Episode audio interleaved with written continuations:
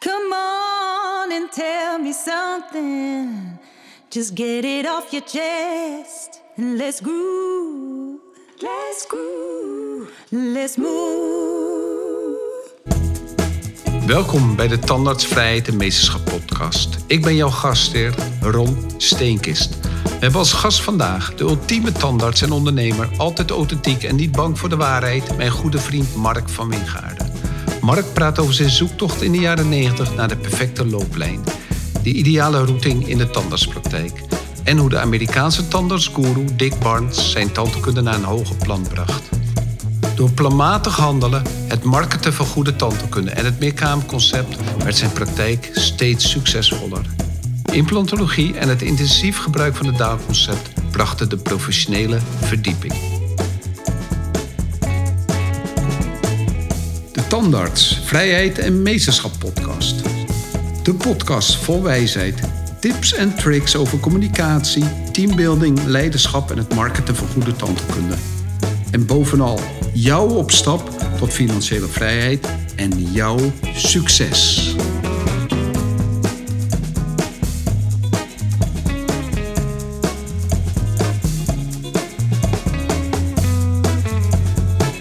Welkom bij de Tandarts, Vrijheid en Meesterschap podcast.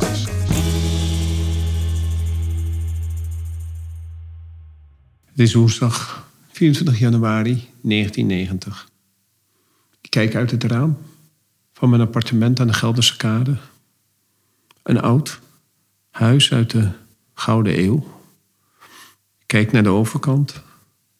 Het is de rand van het Red Light District.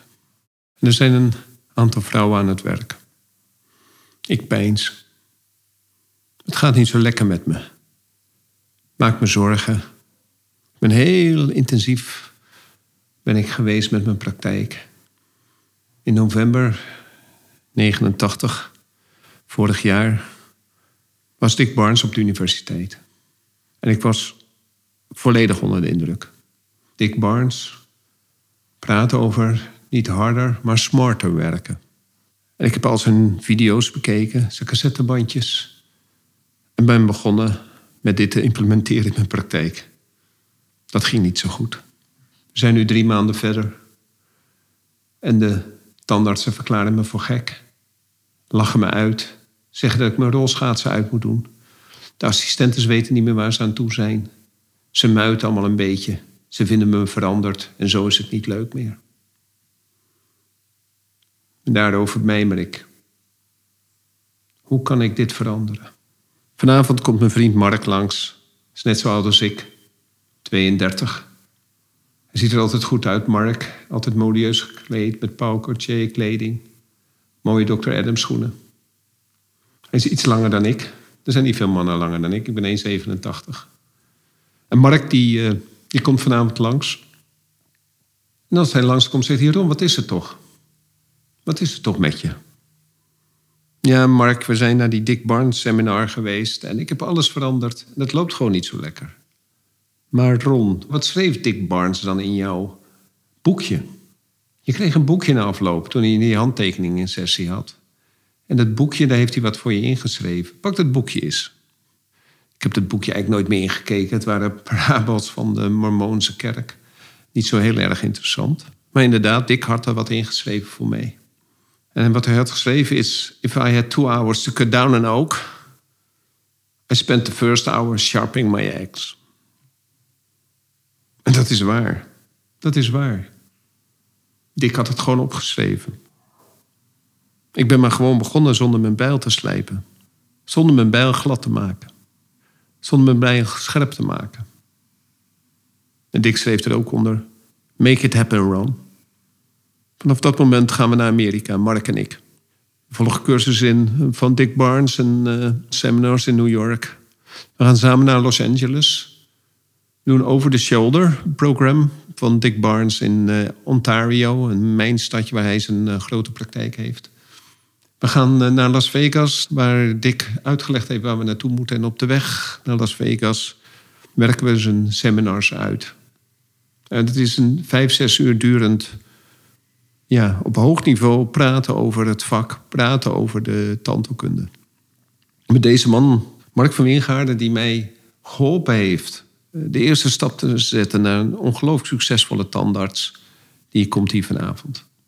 En het grappige is, drie maanden nadat ik eh, uit Las Vegas terugkwam, belde mijn uh, accountant op. Mijn accountant met zijn zware whisky-stem, die zei: Ron, het gaat niet goed. Er worden allemaal fouten gemaakt. Er wordt dubbel, uh, dubbel geteld in je praktijk. Dat gaat helemaal niet goed. En ik dacht bij mezelf: wat heerlijk dat er dit soort fouten worden gemaakt. Nee, jongen, dit is Dick Barnes. Niet harder werken, maar slimmer werken. Dankjewel, Dick. Come on and tell me something. Just get it off your chest and let's groove. Let's groove. Let's move. Mark Barnes, het stukje wat je net hoorde, dat waren nog eens tijden, hè, 1990. Ja, absoluut. Dat was echt een uh, eye-opener. Ja? Dat wij daar toen samen heen gingen naar de States. Jij vertelde hoe interessant uh, hij was en ik dacht meteen, we gaan het doen. Ja. En als goede vrienden is dat ook leuk om samen te doen. Maar die hele cursus en die opzet en trouwens die hele trip die dat met zich meebracht, was super interessant. Ja. En uh, eigenlijk ontzettend veel uh, dingen geleerd die je in Nederland niet over de tandheelkunde meekrijgt. En wat, wat specifiek? In Nederland was je gewoon gewend van, nou ja, uh, een gaatje en we, we, doen wat en we hollen een beetje achter de feiten aan. En zijn constant brandjes aan het blussen als er daar weer een gat zit of daar weer wat afbreekt of daar weer kiespijn of dit of dat.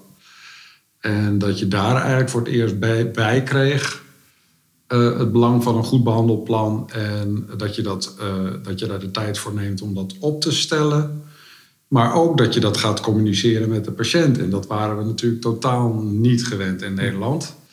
En het was eigenlijk altijd dat we zelf al redeneren van nou dat zal wel te duur zijn. Dat kunnen ze niet betalen. En dat je eigenlijk al met compromissen begint. Ja. En dat krijg je van de opleiding mee. En eigenlijk uh, leer je dat ook uh, niet in Nederland. En eigenlijk is het bijna een beetje uh, vies om het zo te doen.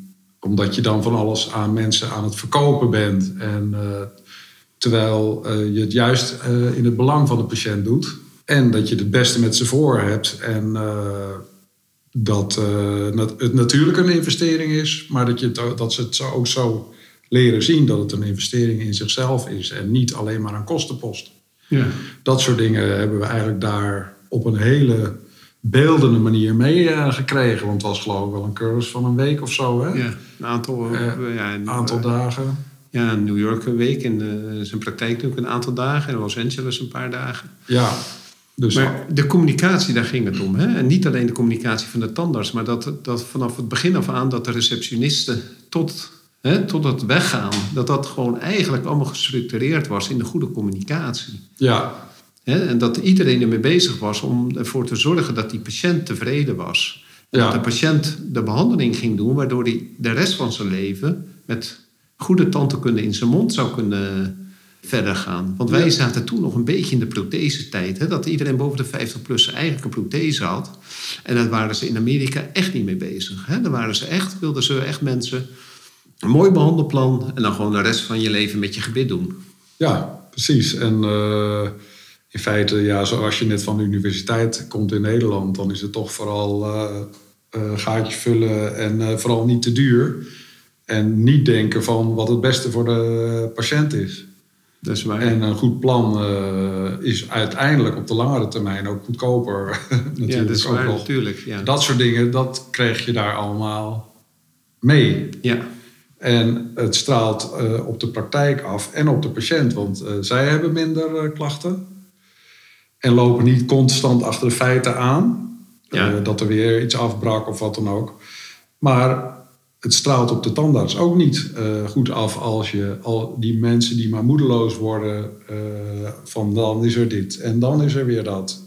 Terwijl als je dat gewoon planmatig aanpakt, dan eh, kan je dat in feite gewoon voor zijn. ja. En als er een plan lag en er gaat iets mis, dan wist je gewoon van, oh ja, maar die zat al in het plan. Ja. Waardoor de patiënt ook veel minder het gevoel heeft dat hij achter de feiten aanloopt. En dus ook wel wist van, oké, nou, dit stond er nog aan te komen.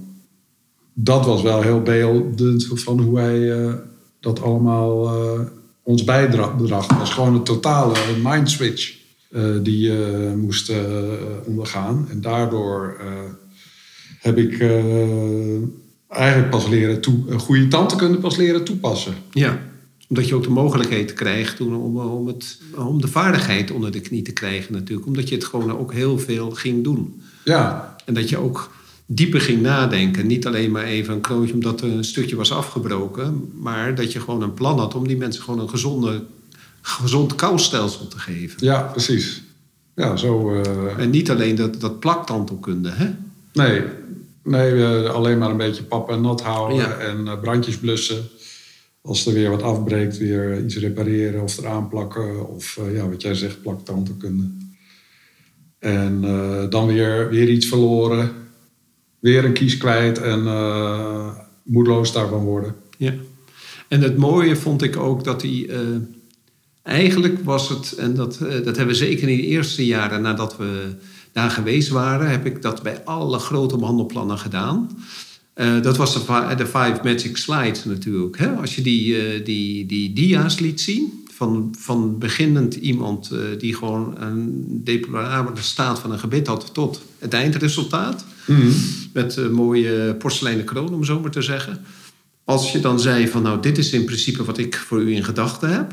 Dan zeiden Ja. die mensen, maar dat wil ik ook. Dit wil ik ook. Dus het grappige was dus dat je het eigenlijk het behandelplan verkocht had. En daar zeiden de mensen ja tegen, altijd. Eigenlijk zeiden Ja. ze altijd ja. Het enige waar ze soms nee, eh, nee tegen zeiden was gewoon de betaling. Maar de behandeling wilden ze. Ja. En het is dan natuurlijk, wij als standaard we zijn zo bezig met die behandeling uit te leggen, maar dat maakt de patiënt helemaal niks uit. Nee. Het gaat gewoon om goede tandheelkunde. Nou, ze zijn bij jou, daar vertrouwen ze dus op. Ja. Hè? Binnen een bepaalde tijd, zonder al te veel pijn, voor een goede prijs. Nou, en dan hoef je eigenlijk alleen nog over de goede prijs te praten.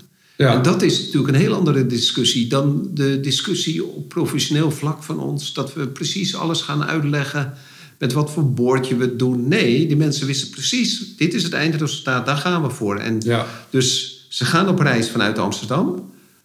Ze gaan naar Rome. En dat maakt er niet uit of ze met de trein gaan, of met een Boeing, of met een straalvliegtuig.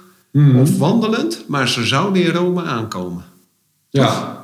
Daar gaat het om. Ja. En dat is hetgene wat ik daar wel heel erg goed geleerd heb. En eh, mijn, eh, mijn leven heeft veranderd. Echt waar. Die man Ja. heeft echt mijn leven veranderd op dat punt. Ja, zeker. En het gemak ook van zo'n behandelplan. Hè? Want uiteindelijk, eh, als je het planmatig benadert, voor jezelf wordt het heel overzichtelijk.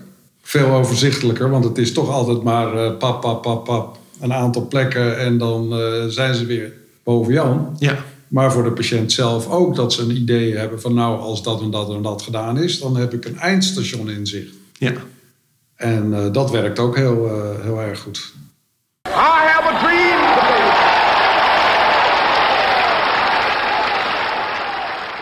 Mark, eh, wilde je altijd tandarts worden? Eh, ja, op de middelbare school had ik daar al dromen over. Ja, interessant eh, van tandheelkunde vond ik vooral het feit dat je met je handen bezig bent. Dat was ik toen eigenlijk ook altijd al. Eigenlijk altijd bootjes bouwen en dat soort dingen en knutselen. Dus je bent een echte tandarts eigenlijk. Hè? Ja, dat, ja altijd met je handen bezig. ja. Nou, Ja. bootjes. Bootjes, ja. opknappen en restaureren. Oh, leuk. Eh, dus dat sprak me altijd ontzettend aan. En daar was ik gewoon ook al handig in. Daarnaast, het mooie van tandheelkunde is dus het technische, maar ook het wetenschappelijke achtergrond daarvan. Dus dat alles wetenschappelijk onderbouwd is eh, en dat je dat dus toepast. Dus dat je toch ook nog wel een belangrijk deel van je hersenen erbij nodig eh, hebt voor de uitvoering. Ja, dat, dat waren eigenlijk de belangrijkste eh, dingen. En de communicatie met de mensen dan vooral. Ja? En dat is eigenlijk nog steeds, ook nu, daar haal ik eigenlijk nog steeds de meeste bevrediging uit. Als je een goed contact met de mensen hebt. Ook al zijn dat soms maar korte praatjes.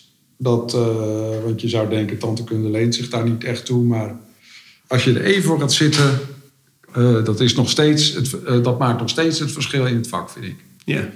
Het zijn ook intense contacten natuurlijk. Hè? Je bent zo dicht in iemands privésfeer. Ja, Dus het is, ja, het is zoals, een beetje een hond hè, die zich overgeeft, op die op zijn rug gaat liggen van een andere hond. Ja, die mensen hè, die, die laten toch allemaal hun keel zien. Hè?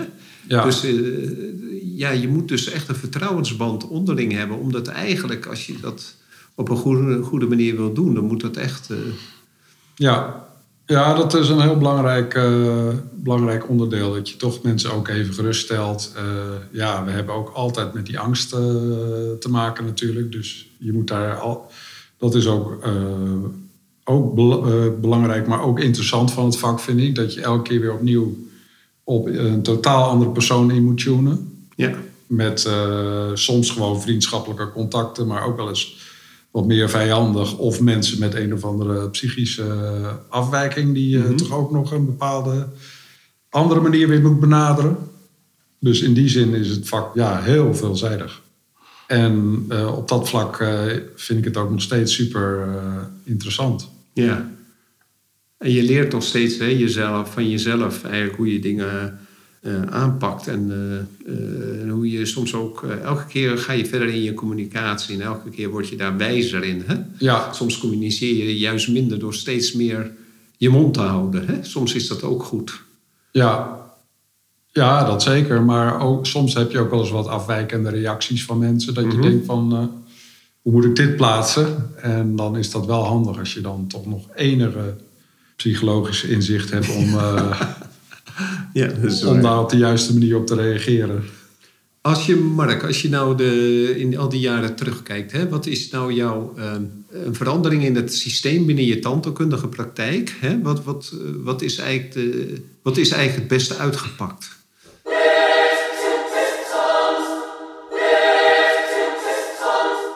Ehm, nou, dat is feitelijk toch dat hele verhaal van, van Barnes. Eh, in die zin, in 88 eh, had ik eh, mijn eigen praktijk. En die heb ik toen helemaal naar eigen inzicht, of eigenlijk met behulp van eh Kilpatrick onder andere, over routing en alles, eh, ingedeeld. Eh, dat was 88. Toen had ik eigenlijk alles helemaal voor elkaar qua ergonomie en routing, maar ik had nog geen En beeld. En nog even, Kilpatrick is dat hele dikke boek uit de begin jaren 60, hè, geloof ik, 65. Die Ja, dat is uit de eh, jaren 60. En dat, dat was eigenlijk heel vooruitstrevend. Eh, toen al natuurlijk, maar, maar we hebben het nu over de jaren 80. In Nederland was daar nog eigenlijk helemaal niks van doorgedrongen. Maar daar waren ze al heel eh, erg met die routing bezig. Maar ook planning en uh, agendaplanning. Maar dat was een mega dik boek. En ik had dan wel een interesse vooral in het architectuurgedeelte. Dus de indeling van de praktijk. Maar het grappige was... En dat is die routing dat dus alle stromen gescheiden zijn. Dus Ja. uh, patiëntenstroom en uh, medewerkersstroom. En dus dat je ook uh, de sterilisatie aan de achterkant hebt. En dat dat niet via allerlei patiëntenstromen loopt. Ook al die me medicijnen, maar ook alle instru instrumenten.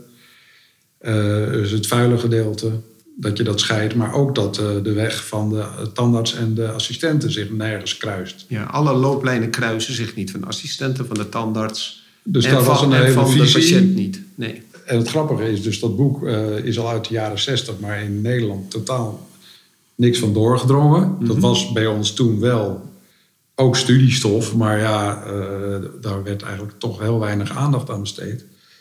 En ik ben daar ook pas, toen ik afgestudeerd ben, uh, helemaal pas ingedoken. Mm -hmm. Om dat uh, naar eigen idee in te vullen.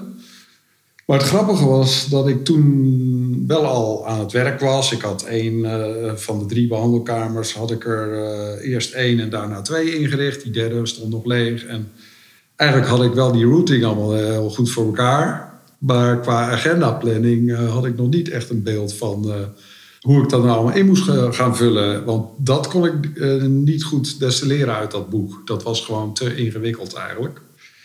En in feite die omslag kwam door Barnes. Want dat was niet alleen dat je zeg maar, mensen een goed behandelplan geeft. Maar ook die agendaplanning was ook een belangrijk onderdeel van, van zijn cursus. Mm -hmm. En toen kon ik dat gaan toepassen op mijn concept. Dus dat was eigenlijk wel heel leuk. Dat uh, daardoor die missing link van de, de invulling van het hele concept. Ik had eigenlijk de basis helemaal liggen, maar ik wist nog niet precies hoe ik het in moest vullen. En Ja. dat kwam door Barnes. Dus in die zin eh, was dat een geweldige eye-opener. Eh, waardoor je dus eh, veel efficiënter met meerdere assistenten en meerdere kamers kan werken. En niet dat je op rolschaatsen heen en weer gaat, maar door gewoon eh, efficiënt in de ene kamer te werken, terwijl de andere schoongemaakt wordt en, Ja. klaar, en alles klaargezet. En, eh, en dat je soms, als er een wachtmoment is tijdens behandeling, dat je gewoon even in een andere kamer, hè, een wachtmoment kan zijn verdoving, eh, vulmateriaal of afdrukmateriaal wat hard moet worden. Of zoals het dan nu vooral een scan is. Dat kost toch gewoon vijf of tien minuten tijd. Ja. Nou, in die tijd kan je dan in een andere kamer eh, nog een controle doen. Ja. Als dat goed gefaciliteerd is, ik noem maar wat. Nou, dat soort effic- efficiency eh, is alleen maar smarter werken, maar niet harder. Ja. En eh, daardoor had je ook een veel bevredigende werkdag. En de assistenten ook, want die En- mogen meer doen. Ja. en de assistenten zo. Dus ja, al met al hebben we dat daar allemaal geleerd. En al die mappen die we mee hebben gekregen, Jeetje, al ja. die agenda's, hoe we dat eh, gingen overzetten op een eh, vijf of tien minuten agenda. Want wij hadden allemaal nog dat Het boek, KNMT-boek. KNMT-boek met kwartierafspraken en zo. Nou ja, dat paste totaal eh, niet. Niet per se dat het een kwartier afspraak moet, maar, maar je eh, alleen maar een uur in vieren delen. Ja. Nou ja, dat soort dingen, dat hebben we allemaal direct gedaan. Alles omgegooid. ja, ik denk dat ze het nu tegenwoordig niet meer kunnen voorstellen wat voor grote veranderingen En dat was allemaal op geweest. papier aanvankelijk. Ja, allemaal op papier, ja. Wat, wat in die tijd, wat is jouw grootste struggle geweest? En wat heb je binnen de tandheelkunde en wat heb je overwonnen? En hoe heb je dat gedaan? Everybody get down! It's about to get real in here! Nou, de grootste struggle is feitelijk wel dat je na verloop van tijd eh, geen nieuwe uitdagingen meer eh, hebt. En is dat na een jaar, vijf, acht, tien? Eh, nou, wel langer. Wel langer, want nee, het is meer zo... Aanvankelijk ben je dus gewoon met je marketing bezig. en je praktijk op aan het zetten. volgens dat concept met die behandelplannen en die kamerindeling. Maar continu eigenlijk bezig ook met marketing en naar patiënten toe. Maar ook vanuit de patiënt denken dat je gewoon eh, de ervaring in de wachtkamer eh, anders maakt. Dat was toen eigenlijk ook nog helemaal niet zo gewoon. Ik had ook nog video, videofilms, muziekfilms toen in de wachtkamer, maar ook kunstvideo's. Dus daar ben ik wel, wel tien, misschien wel twintig jaar mee door aan het ontwikkelen geweest hoor. Dat wel. En de tandheelkunde ontwikkelde zich natuurlijk. Je ging van amalgaam naar composiet. En eh, dat hebben wij ook allemaal meegemaakt natuurlijk. Dus dat was eigenlijk constant wel een leerproces. Dus je, met je cursussen. Maar na verloop van tijd dan op een gegeven moment heb je wel het gevoel dat je niet meer echt doorontwikkelt. Dus toen had ik wel echt een nieuwe uitdaging nodig. En dat heb ik toen gevonden in de implantologie. Dat volgde jij toen, eh, dat volgde jij toen ook. Of eigenlijk door jou ben ik dat toen gaan doen. En eh, via Van der Schoor was dat eigenlijk eh, heel interessant om dat toch heel snel eigen te maken. En deden we eigenlijk in korte tijd al best veel vooruitstevende dingen die eigenlijk nu pas mainstream Ja. Zijn geworden. Hè? Want wij waren al heel snel immediaat het implanteren en dat soort dingen. Ja, door Van der Schoor die daar een goede meester in was. Inderdaad. Hè, gewoon doen. Eh, wat, wat zou je een jonge collega aanraden om, eh, die nu het vak in zou gaan? Wat zou je hem aanraden hoe, hoe die zijn tandheelkunde leven zou indelen? Nou, ik zou in ieder geval sowieso maar in veel praktijken rondkijken. Hoe ze het daar doen en de goede dingen daar eh, uit weg eh, voor je idee. Van daaruit een concept opzetten. En eh, in feite wel heel belangrijk vind ik om met een schone lei dan te beginnen als je een praktijk op wil zetten. Met vanuit de gedachte, vanuit het uitgangspunt van ergonomie en routing, dat dat gewoon helemaal klopt. En, eh, en dat je van, van daaruit dan eh, een patiëntvriendelijke praktijk opzet. En met eh, eigenlijk in het achterhoofd zeg maar, de hospitality van het hotelwezen. Ja. Dus de wachtkamerervaring, dat soort dingen. Daar was ik toen eigenlijk ook al helemaal mee bezig. Ja. Dat is het moment dat mensen tijd hebben om rond te kijken en een ervaring op te doen. Dus dat moet gewoon helemaal goed voor elkaar zijn. Ja, en, eh, dus dat, dat is echt het belangrijkste, de basis. En dan vervolgens natuurlijk blijven ontwikkelen in de, met cursussen in de tandheelkunde. En je uiteindelijk eh, wel een specialisatie toe-eigenen, waardoor je uniek eh, bent. Ja. Tegenwoordig is natuurlijk alles groepspraktijken met meerdere, meerdere disciplines. En dan is het wel belangrijk dat je daar ook gewoon een goede plek in, eh, voor in, eh, inneemt. Ja, gewoon dat je een eigen specialisatie hebt. Hè? Niet eh, wat ik vaak hoor, ja, ik ben gespecialiseerd in esthetische tandheelkunde. Maar ja, dat is iedereen tegenwoordig. Hè? Ja, Dus dat je echt pak een stukje van de pijndysfunctie of pak de ortho of pak. Dus dat je echt eh, Ja. dat de praktijk niet om je heen kan. Hè? TMJ of eh, gewoon volledige prothese tegenwoordig is ook al een item wat vroeger Ja. wij allemaal deden, maar tegenwoordig de jongere tandartsen echt heel weinig van afweten. ja. Ehm, en nog even terugkomend op die. eh, je had het over die ruimte als je in je eigen praktijk begint. En ik denk dat je daarmee bedoelt, eigenlijk heb je het liefst een schoenendoos. Ja, dus niet, ja, niet dus een pand eh, waar, waar je aan de muren vastzit. Maar hoe, hoe, mooi, hoe, hoe groter de schoenendoos, hoe fijner het is om de indeling te maken. Ja, in principe wel. Dus eh, geen eh, pand waar al allerlei kamers in eh, zitten. Want eh, dan ben je be- beperkt door de archi- bestaande architectuur en gaat dat nooit wat worden met die routing. Die is zo belangrijk dat je beter gewoon in een schoenendoos of een eh blokkendoos kan beginnen en dat dan eh, invult. Naar eh, eigen inzicht. En ja, op het moment eh, wordt daar wel meer naar gekeken.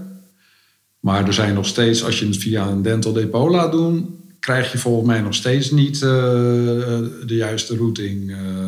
Die zetten gewoon een stoel en die willen een stoel verkopen, die willen een kast verkopen. En die zetten hem neer op de plek waar die het handigste is.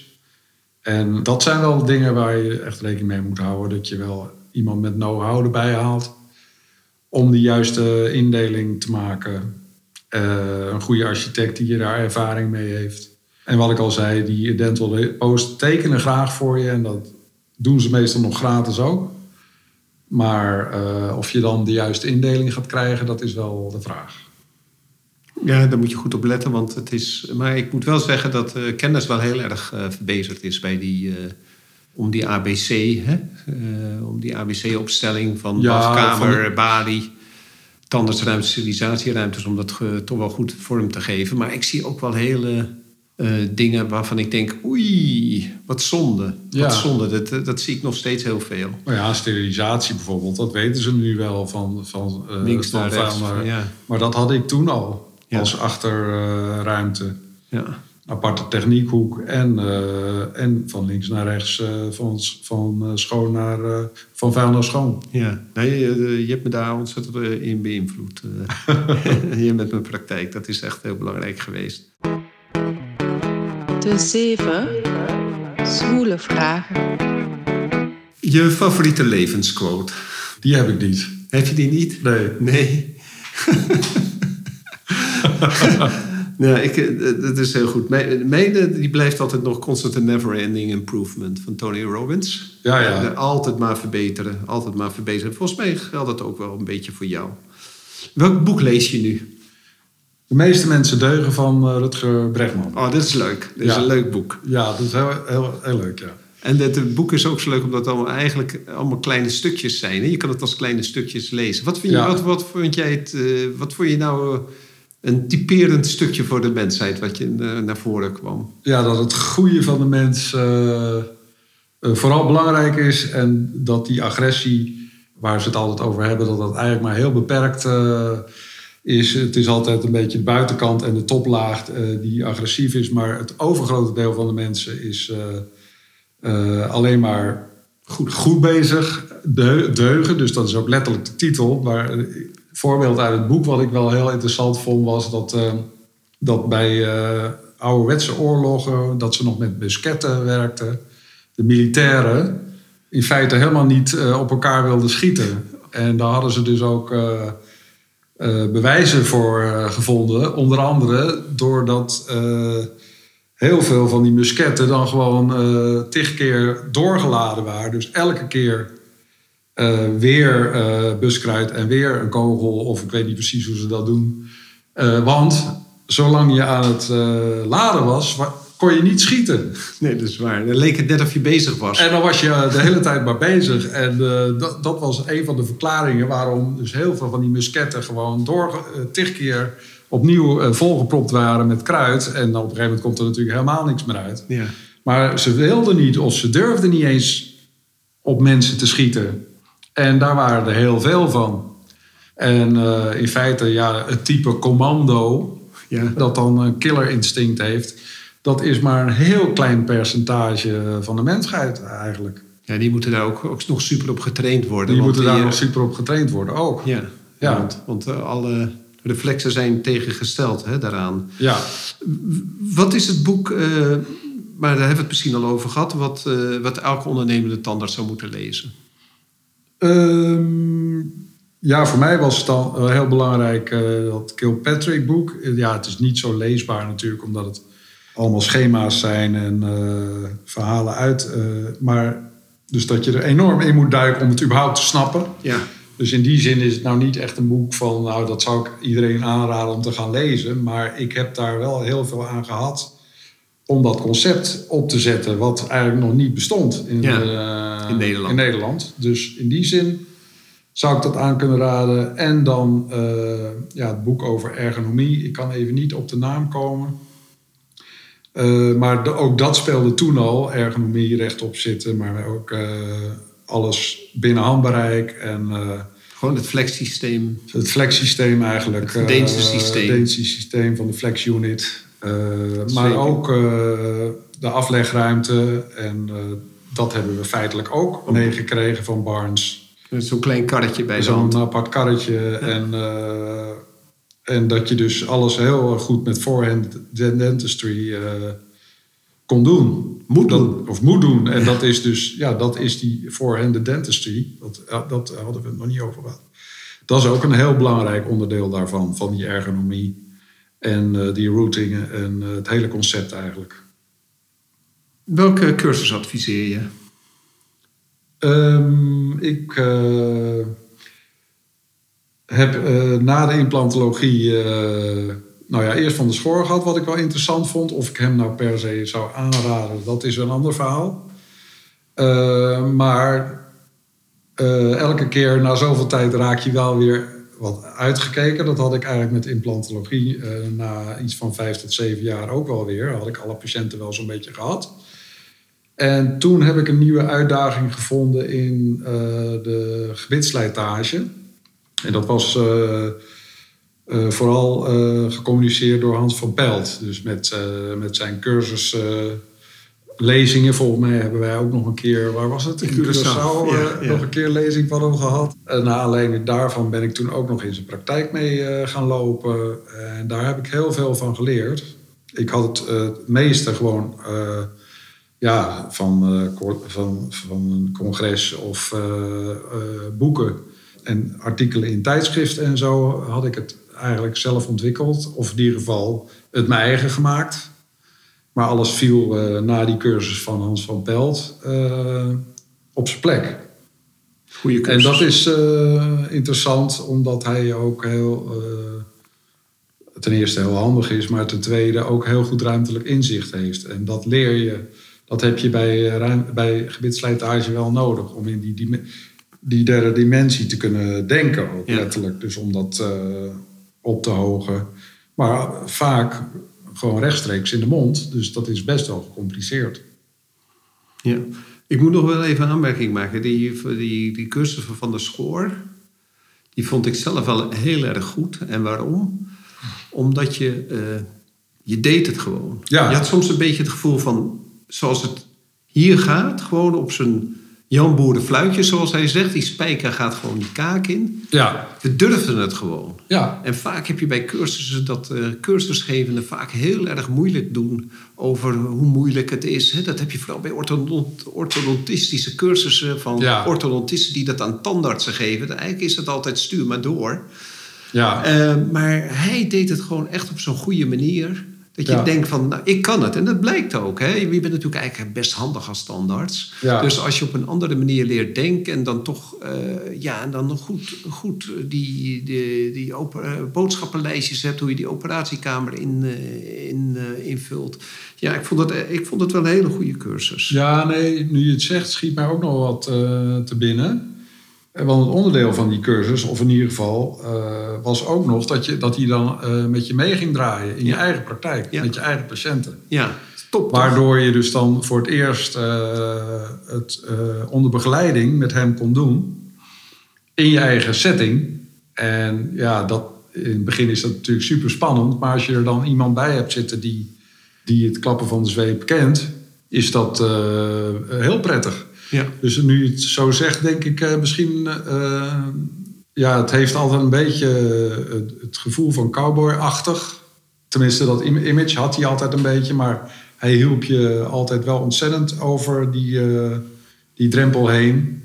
En uiteindelijk, nou hebben we toch wel heel veel met die immediaat-implantaten... toch wel heel veel succes eh, gehad. ja. Zonder dat je dan al die uitgebreide bottenbouw hoeft Ja. te doen. Omdat de boel nog niet ingeklapt was en zo. Dus eh, dat ben ik wel met je eens. Het is waarschijnlijk eh, toch wel een belangrijk eh, moment geweest om het te gaan doen. Ja. Dus dat je het, een cursus die je gaat doen, die je volgt en daarna het ook gaat doen, is toch wel heel goed. Hè? Want Je hebt Ja. veel cursussen dat je denkt, oh ja, en dan het nooit meer doet.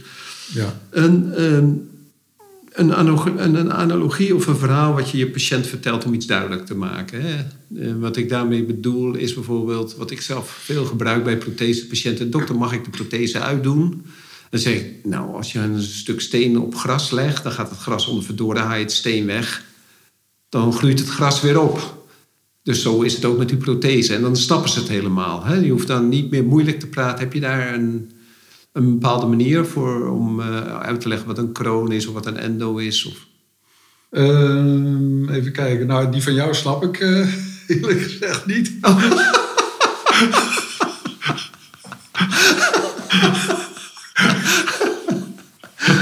Oh, ik vind hem heel goed.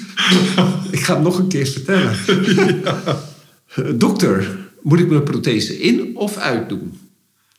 Nou mevrouw, u moet hem uitdoen. U moet een beetje denken of dat... Oh, je bedoelt s'nachts? Ja. Ja, maar dat zei je er niet bij. Oh! Moet ik mijn prothese in of uitdoen? dus ik denk, kom bij de stoel. Nou, hou hem maar in of leg hem, leg hem maar in het gras. of zoiets. Ja, heel goed. Snel verder, Mark. Heb jij nog een leuke eh, analogie? Nee, ja, het is denk ik geen analogie. Nee, ik probeer mensen altijd wel voor te spiegelen een langere termijn met hun gebit. Van hoe lang ze ermee eh, nog mee eh, moeten. Dus als ze heel jong zijn eh, en al problemen hebben, dan eh, stel, en ze willen de boel er al uit, dan zeg ik altijd wel van ja, je weet niet hoe het is in de verzorgingshuizen. Dat mensen gewoon gehandicapt zijn omdat ze hun gebit niet meer in kunnen houden en alleen nog maar zacht eten kunnen eten en een rietje. En dat die kaak zo erg slinkt als je daar nu al aan begint. Dat is eh, wel, een voorbeeld bijvoorbeeld wat ik dan gebruik om mensen een kunstgebied op jonge leeftijd uit het hoofd te praten. Ja. Maar dat is niet echt een analogie of iets dergelijks. Nou, wel, een- wel een duidelijk verhaal. Welke dingen, drie dingen bijvoorbeeld, eh adviseer de eh, beginnende collega? Ja, in feite eh, zoveel mogelijk in praktijk meelopen. Maar dat zie je tegenwoordig toch wel heel veel. Dat mens, eh, mensen dus eerst gewoon eh, veel in praktijken rondkijken. En eh, daar eh, inzichten opdoen. Blijven ontwikkelen. Dus cursussen blijven volgen vanaf eh, dag één. Dat je klaar bent met de opleiding. En... je ziet tegenwoordig veel mensen die overal in dienst alleen maar gaan. Maar ik denk dat er ook nog wel veel voordelen zitten aan een eigen praktijk, eh, waarbij je alles naar je hand kan zetten. En eh, dat heb ik al die jaren wel als zeer positief ervaren. Dat je je ideeën direct kan uitvoeren. Ja. En vooral weet ik dat nu ik mijn praktijk verkocht heb. En dus nu zelf als ZZP'er eh in verschillende praktijken aan het werk ben. En dan denk ik van, oh gosh. Was ik maar kapitein. Precies, was ik maar kapitein en eh, had ik, kan, kan ik het maar naar mijn hand zetten. Want ja, dat kan je feitelijk gewoon vergeten. Is Ja. nu ook mijn ervaring al. Dat eh, je nog zulke goede ideeën kan hebben, maar die landen gewoon niet in zo'n setting. Nee. Dus eh, probeer de eigen regie te Ja. houden, zou ik zeggen. En Barnes noemde het altijd, zorg ervoor dat je Barnesified bent. Toch? Ja, in feite wel. Ja, ja, ja, dat is waar. Oké, Ja. Mark. Nou, hartelijk eh, dank. Eh, Volgens mij heb je heel veel mooie dingen gezegd. Goede, eh, goede adviezen gegeven. En dank je wel. Het was weer heel prettig met je aan tafel te zitten. Nou, graag gedaan. Ik vond het ook leuk.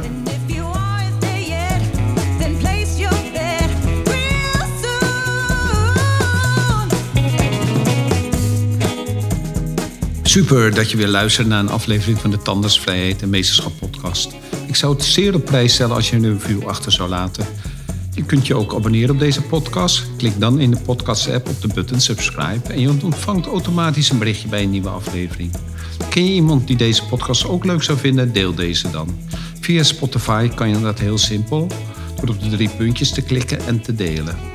Je kan mij ook bereiken via mijn LinkedIn-account. Ik ben te vinden onder mijn naam Rom Steenkis. Nogmaals, dankjewel en tot de volgende keer.